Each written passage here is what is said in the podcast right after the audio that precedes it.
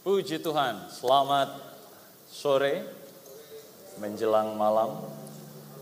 Bapak Ibu Saudara di luar hujan deras dan tentu saja apresiasi saya secara pribadi kepada Anda yang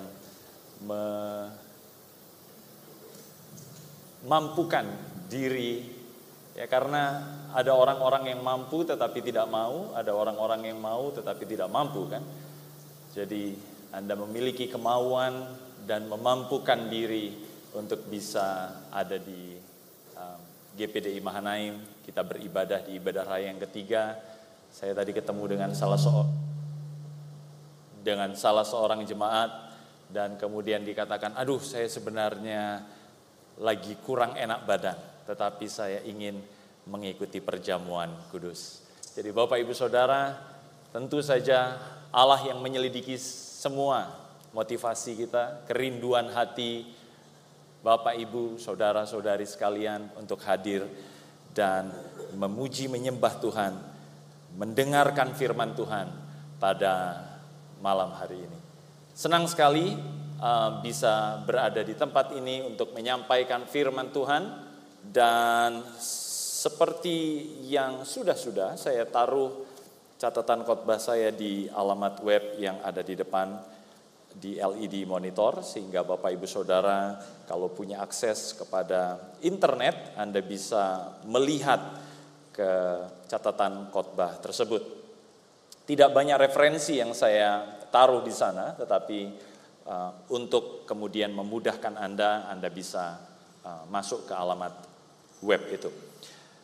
Pada malam sore malam hari ini saya akan berbicara tentang pertanyaan dan pernyataan. Pertanyaan dan pernyataan. Mari kita buka Matius pasal yang ke-16 ayat yang ke-13 sampai yang ke-17.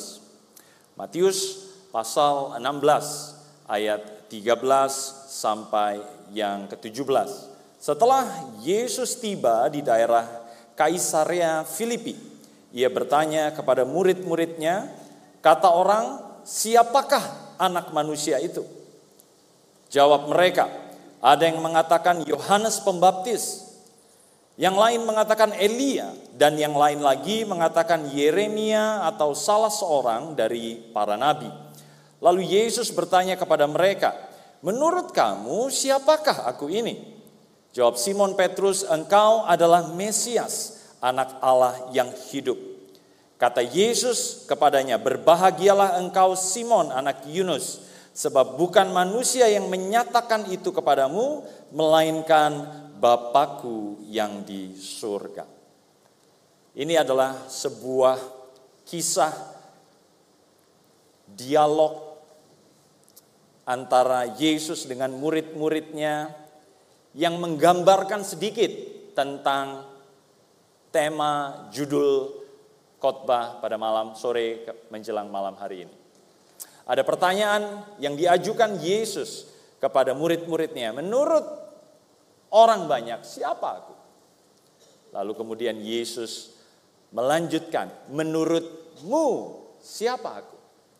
Dan kemudian itu direspons dengan sebuah pernyataan engkau adalah Mesias, anak Allah. Bapak Ibu Saudara, ketika kita masuk ke dalam ranah bahasa, bahasa itu adalah sesuatu yang selalu menarik untuk diperbincangkan. Ya, kalau di zaman-zaman sekarang ini ada bahasa yang bermacam-macam, bahasa gaul, bahasa sandi, bahasa TikTok, itu beda-beda.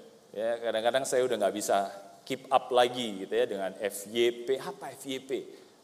OOT, OOT itu apa? OOTD. Begitu banyak bahasa yang dikembangkan oleh eh, manusia dan selalu menarik untuk dibicarakan. Eh, bahasa membuat kita tertawa. Ya. Bapak Ibu Saudara bisa mengatakan sesuatu yang membuat orang di sebelahmu tertawa? Kamu cantik mungkin bisa seperti itu atau kamu ganteng biasanya langsung fitnah gitu ya Bahasa bisa membuat seseorang tertawa, bahasa bisa membuat seseorang kecewa. Ya, Anda bisa berbicara sesuatu dan kemudian itu mengecewakan seseorang, betul kan? Anda merespons permintaan seseorang dan kemudian dengan bahasa apakah secara lisan, secara tulisan, bahasa tubuh, saudara menolak itu orang itu bisa jadi kecewa. Bahasa membuat seseorang menangis, bahasa membuat seseorang terkagum, tertegun, dan banyak ekspresi yang lainnya. Karena dengan bahasa kita ingin mengekspresikan perasaan yang tidak terlihat. Saya lagi senang. Saya berkata, yes. Saya lagi susah. Saya bilang, aduh.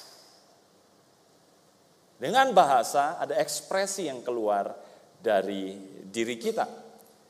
Dan bahasa itu dikeluarkan untuk kemudian seseorang memahami keinginan, kebutuhan, dan keyakinan kita. Sekali Yesus, tetap Yesus. Itu suatu pernyataan yang kuat. Menunjukkan keyakinan seseorang akan sesuatu. Anak saya sekarang usianya tujuh bulan. Dulu saya pernah, saya nggak tahu di ibadah raya ketiga ya, pernah apakah pernah saya setel video dia berbicara, berkomunikasi dengan saya.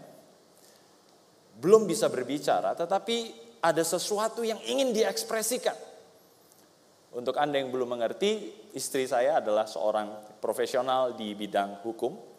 Dia bekerja di firma hukum. Setiap um, Senin sampai Jumat dia punya jam kantor dan yang agak-agak kadang-kadang mengerikan. Seminggu terakhir dia harus pulang larut malam, tengah malam kadang-kadang. Bahkan rekan-rekan dia, pengacara-pengacara yang lain pulang jam 3 pagi untuk menyelesaikan proyek mereka.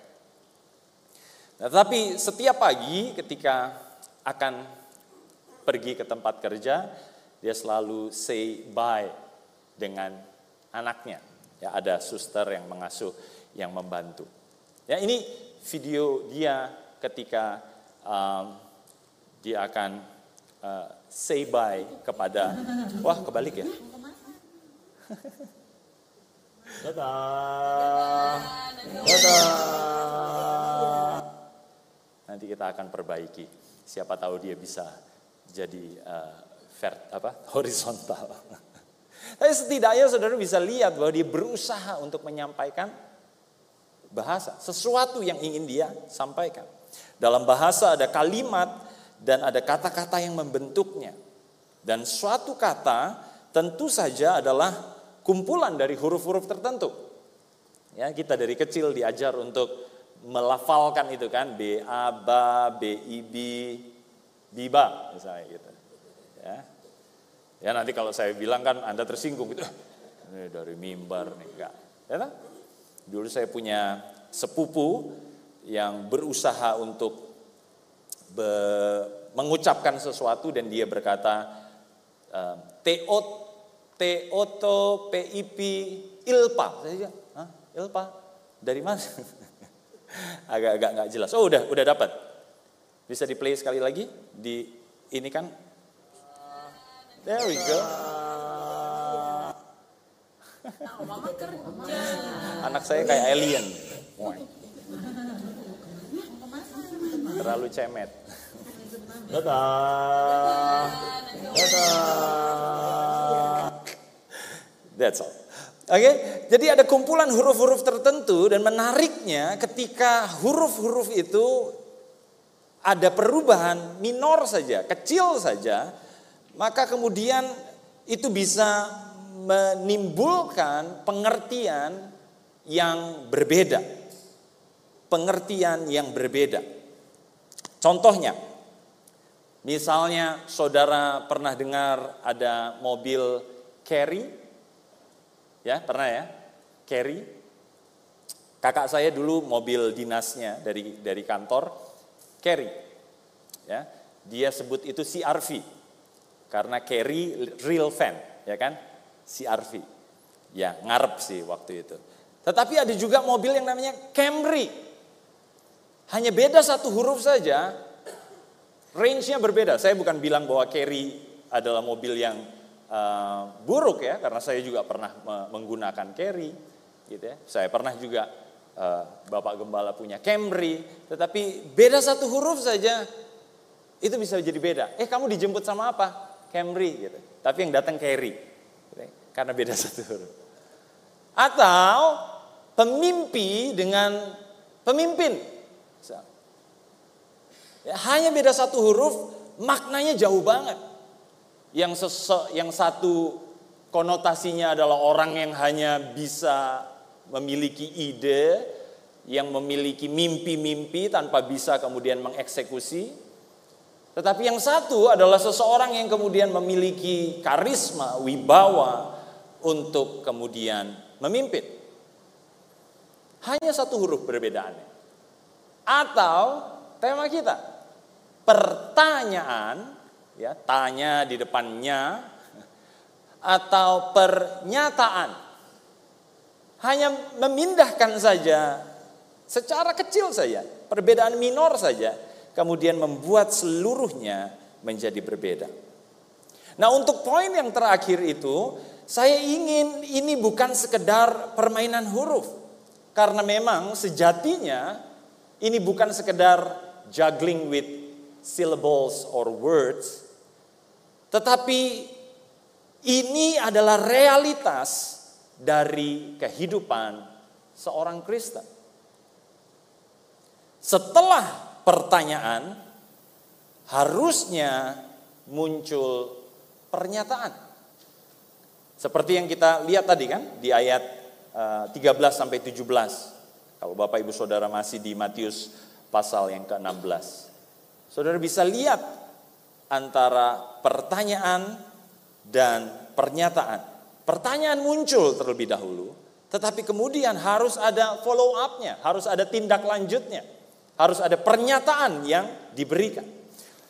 Mari saya bawa Anda kepada pengertian ini bahwa setelah pertanyaan harusnya kita masuk ke dalam pernyataan. Ya hal ini juga Anda bisa lihat di khotbah tadi pagi ya, ibadah raya 1 dan 2, pendeta Yosef Priyono menyampaikan bahwa ada stages, ada tahapan yang kemudian kita harus lalui dalam pertumbuhan. Tetapi saya melihatnya setelah pertanyaan di dalam kehidupan Kristen harus ada pernyataan. Kehidupan ini adalah rangkaian pertanyaan-pertanyaan. Ada banyak hal yang membuat kita bertanya dan Anda mungkin menyadari itu dengan anak yang masih kecil dan baru bisa belajar. Semua dia tanyakan, itu apa? Itu apa? Itu apa? Kenapa itu? Mengapa ini? Dan lain sebagainya. Ya, Anda Anda bisa relate dengan hal itu atau mungkin Bapak Ibu Saudara adalah orang yang seperti itu yang selalu curious. Itu apa? Kenapa bisa seperti itu? Ya, hidup ini penuh dengan pertanyaan. Dalam hidup ini banyak hal yang menjadi pertanyaan di dalam benak kita. Nah, setiap kita kemudian menemukan jawaban atas pertanyaan itu, maka kemudian kita sampai kepada suatu titik di mana kita mengeluarkan pernyataan. Contohnya seperti ini. Saya adalah warga negara apa? Pertanyaannya gitu. Saya orang apa? Saya warga negara apa? Citizenship saya ini apa? Kalau saya bertanya seperti itu, kemudian saya mulai mencari jawabannya. Ya. Mencari jawabannya, oh orang tua saya KTP-nya Indonesia. Ya, saya nggak pernah lihat gitu loh. Ibu saya tiba-tiba Papua Nugini, wah mungkin gitu kan. Indonesia dua-duanya. Saya lihat recordnya, rekaman uh, dokumennya semua Indonesia. Kemudian undang-undang yang berlaku mengatakan bahwa orang yang kemudian lahir ya dari pasangan Indonesia saya nggak tahu secara jelasnya ya um, apakah orang yang kemudian lahir di Indonesia otomatis kemudian menjadi warga negara Indonesia. Setahu saya undang-undang kita itu kalau salah satunya adalah warga negara Indonesia, maka um, anak itu otomatis adalah warga negara Indonesia. Demikian juga rekaman-rekaman uh, akte lahir saya dan semuanya, semuanya Indonesia. Sehingga ketika saya bertanya tentang kewarganegaraan saya, di satu titik kemudian saya menyatakan berdasarkan bukti, berdasarkan apa yang saya lihat, saya menyatakan diri. Saya mengeluarkan pernyataan, saya orang Indonesia. Ketika saya kuliah di luar negeri, orang bertanya kepada saya, "Kamu datang dari mana?" Saya jawab, "Indonesia." Saya orang Indonesia. Ada orang yang ketemu dengan saya di Dallas, di Texas, dan kemudian dia mulai berbicara dengan bahasa Spanyol. ¿Cómo estás? Wah, saya bilang, oh sorry, sorry, I'm Indonesian. Saya bilang, saya orang Indonesia. Saya tahu kewargaan negaraan saya. Saya menyatakan diri saya setelah saya berhasil menjawab pertanyaan. Siapa saya? Apa warga negara saya? Nah Bapak Ibu Saudara, apa pertanyaan yang mengganggu pikiran Anda akhir-akhir ini? Apa pun itu, saya bisa melihat bahwa cepat atau lambat Anda akan sampai ke titik di mana Anda harus mengeluarkan pernyataan. Pertanyaan tentang statusmu, pertanyaan tentang hubunganmu, pertanyaan tentang pekerjaan, tentang keluargamu. Pada akhirnya kita harus mengeluarkan suatu pernyataan. Nah kalau Bapak Ibu Saudara ingat, saya nggak tahu apakah saya pernah sampaikan di ibadah yang ketiga, tetapi di Beberapa minggu yang lalu ada lima pertanyaan hidup yang diungkapkan oleh seorang yang namanya Miles Monroe. Ini pernah disampaikan juga oleh pendeta Hani Paulus. Ya, saya sempat bahas ini sebentar di khotbah dengan judul kesempatan menginjil. Kalau Anda mau cari itu di YouTube atau di websitenya Mahanaim. Nah ada lima pertanyaan hidup yang seseorang itu kemudian harus menjawab. Yang pertama tentang identitasnya. Ya, siapa saya? Siapa Anda? Ya, bagaimana Anda mendefinisikan dirimu? Siapa saya? Kemudian warisan atau asal muasalmu. Ya, dari mana saya? Ya, orang Tegal, ya, Ortega, orang Tegal asli, atau ada pendatang dari luar kota. Alasan kenapa saya ada di sini? Kenapa Anda ada di sini? Pekerjaan membawa Anda ke sini, pendidikan membawa Anda ke sini, pasangan membawa Anda ke sini, atau apa? Kemudian potensi, apa yang dapat saya lakukan? Apa yang saya bisa kontribusikan? Kemudian tujuan, ke mana sih? Tujuannya apa saya ada di tempat ini? Ini berlaku di mana pun. Di tempat pekerjaan Bapak Ibu Saudara Anda bisa bertanya lima pertanyaan ini. Di sekolah mau di kampus mau Anda bisa bertanya lima pertanyaan ini. Di gereja ini Anda juga bisa bertanya lima pertanyaan ini. Yang sering kemudian ketika kita punya kampanye Mahanai melayani, apa yang jadi potensi Bapak Ibu Saudara? Apa yang Anda bisa kerjakan untuk melayani Tuhan? Lima pertanyaan hidup ini kita harus jawab, kita perlu jawab. Nah kalau saya mau jelaskan tentu saja butuh waktu yang panjang untuk satu persatu kemudian kita cari referensi ayatnya. Tetapi ada satu bagian ayat di dalam kisah para rasul. Kalau Bapak Ibu Saudara tidak keberatan kita lihat kisah para rasul 8 ayat 30 sampai 38 yang dapat menjawab pertanyaan kita. Kisah para rasul 8 ayat 30 sampai 38. Filipus bergegas ke situ dan mendengar sida-sida itu sedang membaca kitab Nabi Yesaya. Kata Filipus, mengertikah Tuhan apa yang Tuhan baca itu? Jawabnya, bagaimana aku dapat mengerti kalau tidak ada yang membimbing aku? Lalu ia meminta Filipus naik dan duduk di sampingnya. Ayat 32, nas yang dibacanya itu berbunyi sebagai berikut. Seperti seekor domba ia dibawa ke pembantaian. Seperti anak domba yang keluh di depan orang yang menggunting bulunya. Demikianlah ia tidak membuka mulutnya. Dalam kehinaannya keadilan tidak diberikan kepadanya. Siapa yang akan menceritakan asal usulnya? Sebab nyawanya diambil dari bumi. Lalu kata pejabat istana itu kepada Filipus, aku bertanya kepadamu, Tentang siapa Nabi berkata demikian? Tentang dirinya sendiri atau tentang orang lain? Filipus pun mulai berbicara dan bertolak dari nas itu dan memberitakan Injil tentang Yesus kepadanya. Mereka melanjutkan perjalanan mereka dan tiba di suatu tempat yang ada air. Lalu kata pejabat istana itu, "Lihat, di situ ada air. Apakah ada halangan bagiku untuk dibaptis?" Sahut Filipus, "Jika Tuhan percaya dengan segenap hati, boleh." Jawabnya, "Aku percaya bahwa Yesus Kristus adalah anak Allah." Orang Ethiopia itu menyuruh menghentikan kereta itu dan keduanya turun ke dalam air. Baik Filipus maupun sida-sida itu. Lalu Filipus membaptis dia. Dimulai dengan pertanyaan. Dimulai dengan sesuatu yang membingungkan sida-sida dari Ethiopia. Ini pejabat dari Ethiopia. Ya, dia kemudian percaya kepada Allahnya orang Yahudi karena itu kemudian dia pergi ke Israel, ke Yerusalem di tepatnya. Tetapi dia masih punya pertanyaan. Nabi Yesaya menuliskan sepenggal nubuatan tentang seseorang. Siapa orang ini? Lalu kemudian Filipus menjelaskan, memberikan jawaban, memberikan titik terang. Sampai kemudian si pejabat ini, si sida-sida ini mengambil suatu keputusan dan mengeluarkan pernyataan. Aku percaya. Aku percaya.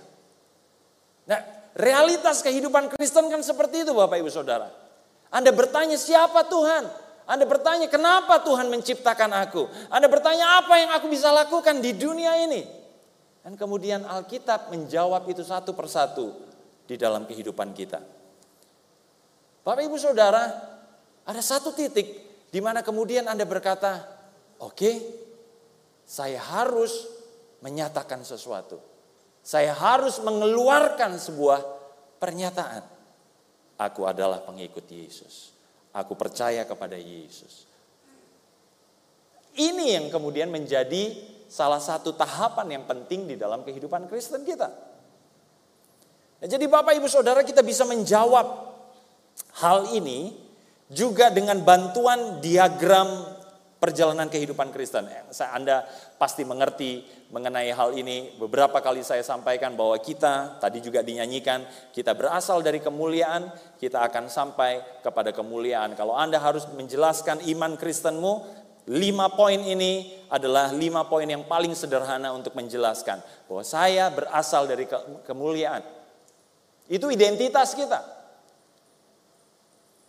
Saya ini orang yang mulia pada dasarnya. Kemudian ini juga menjelaskan warisan dan asal usul kita. Saya orang yang berasal dari kemuliaan. Saya bukan hasil sesuatu yang random, sesuatu yang acak. Ada tujuan yang harus saya lakukan. Saya punya potensi. Saya pernah sampaikan ini ketika berbicara tentang matematika ilahi. Ada delapan kecerdasan menunjukkan atau menggambarkan delapan talenta yang Anda bisa miliki dan semua orang punya. Tidak ada orang yang nggak punya kecerdasan. Ya, karena kecerdasan itu bukan hanya menghitung dan berbahasa. Ada delapan kecerdasan lain. Nanti Bapak Ibu Saudara juga bisa cari matematika ilahi. Jadi kita kita mengerti tentang hal ini. Kita tahu. Tetapi sayangnya kita jatuh di dalam dosa, manusia jatuh di dalam dosa. Nah, ini juga jadi warisan kita. Di dalam kekristenan kita percaya bahwa dosa yang dilakukan oleh Adam itu kemudian diwariskan secara turun-temurun sehingga semua orang yang lahir dari wanita, lahir dari keturunan Adam itu berbuat dosa tanpa ya lahir dalam dosa maksud saya. Ya, tanpa kemudian dia melakukan dosa.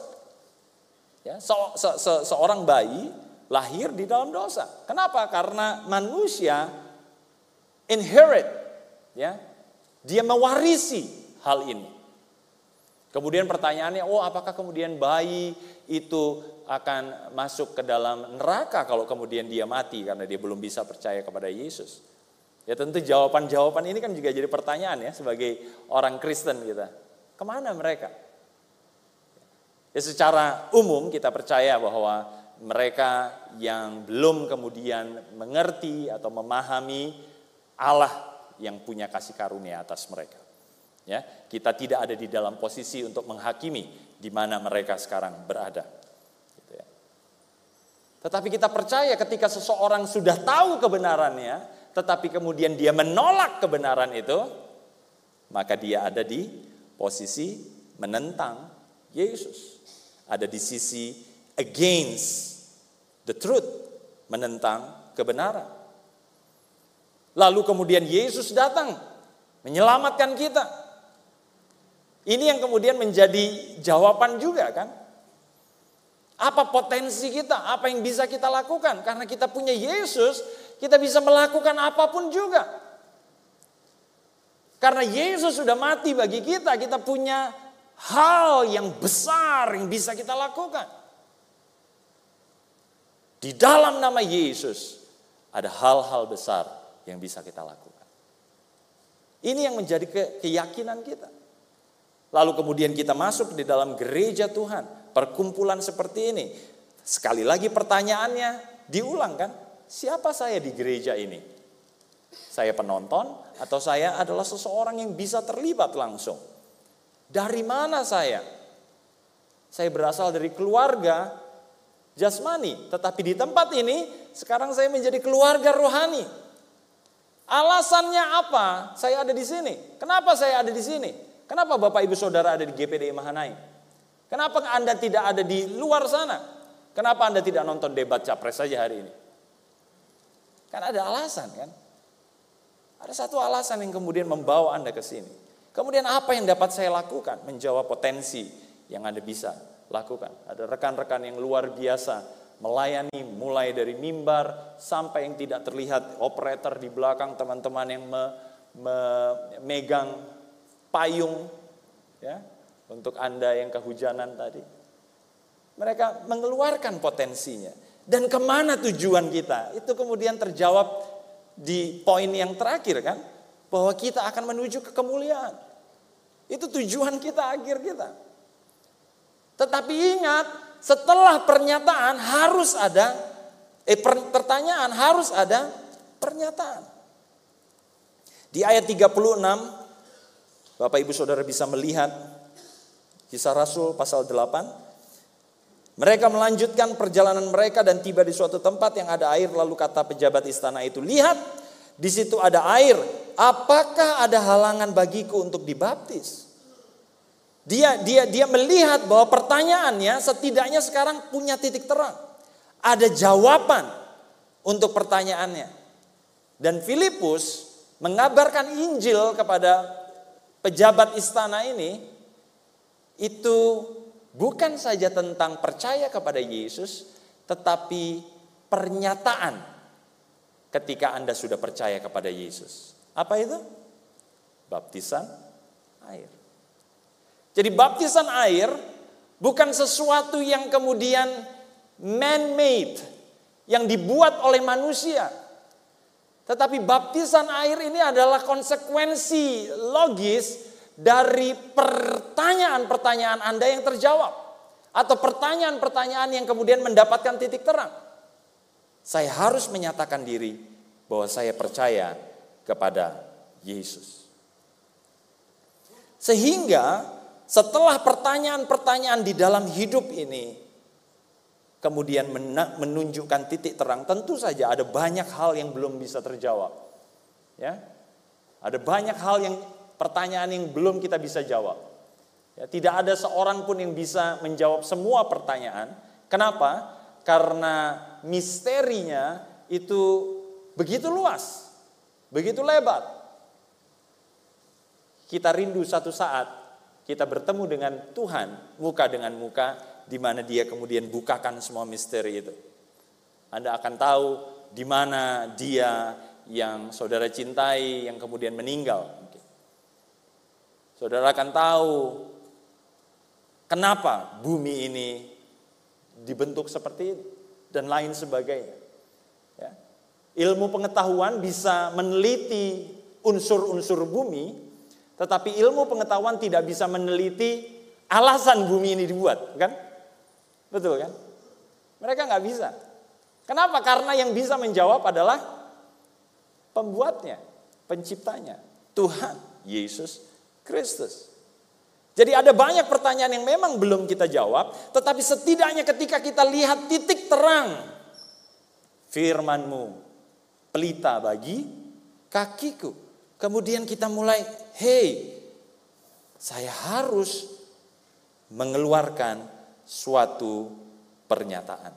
Kita masuk dalam tahapan pernyataan. Apakah seseorang percaya pada Yesus atau tidak?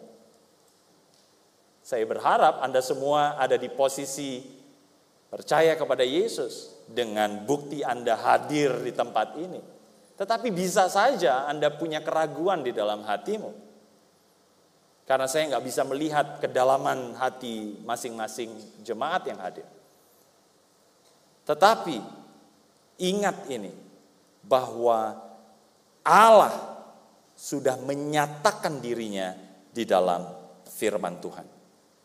Saya ingin bertanya kepada jemaat, baik yang sudah dibaptis maupun yang belum dibaptis, apa halangan Anda menyatakan diri sebagai orang yang percaya kepada Yesus. Apa halangannya? Takut air? Atau takut gak bisa berdosa lagi? Atau apa halangannya? Setelah all those questions, setelah pertanyaan-pertanyaan itu kemudian diungkapkan oleh firman Tuhan jawabannya, Minggu lalu Bapak Gembala sampaikan bahwa hanya ada satu jalan. Yesus jalan kepada Bapa. Nah kalau kemudian kita sudah tahu jawabannya apa yang menghalangi kita untuk menyatakan diri bahwa oke okay, saya percaya kepada Yesus. Seperti sida-sida dari Ethiopia itu kan. Atau untuk Anda yang sudah dibaptis apa halangannya Anda menyatakan di depan umum bahwa saya orang Kristen. Ketakutan mungkin. Takut tidak dapat job, takut tidak dapat promosi, takut tidak dapat pasangan, atau apa? Ini yang kemudian menjadi pertanyaan yang harus kita jawab. Kita bisa saja tidak mendapat semua jawaban, tetapi satu titik terang itu akan membuat, membawa kita untuk membuat suatu pernyataan. Apakah saya di sisi percaya Yesus atau saya ada di sisi sebaliknya? Ketika Anda tidak menyatakan diri itu adalah suatu pernyataan.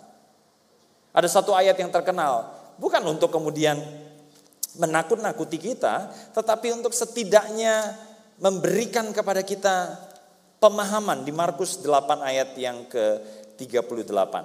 Markus pasal 8 ayat yang ke-38. Dikatakan demikian.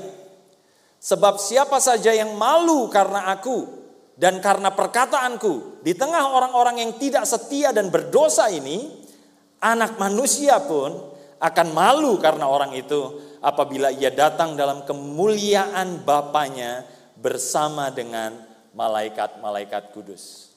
Ingat ya, tujuan akhir kita adalah kemuliaan. Yesus menebus kita, sekarang kita ada di dalam gereja.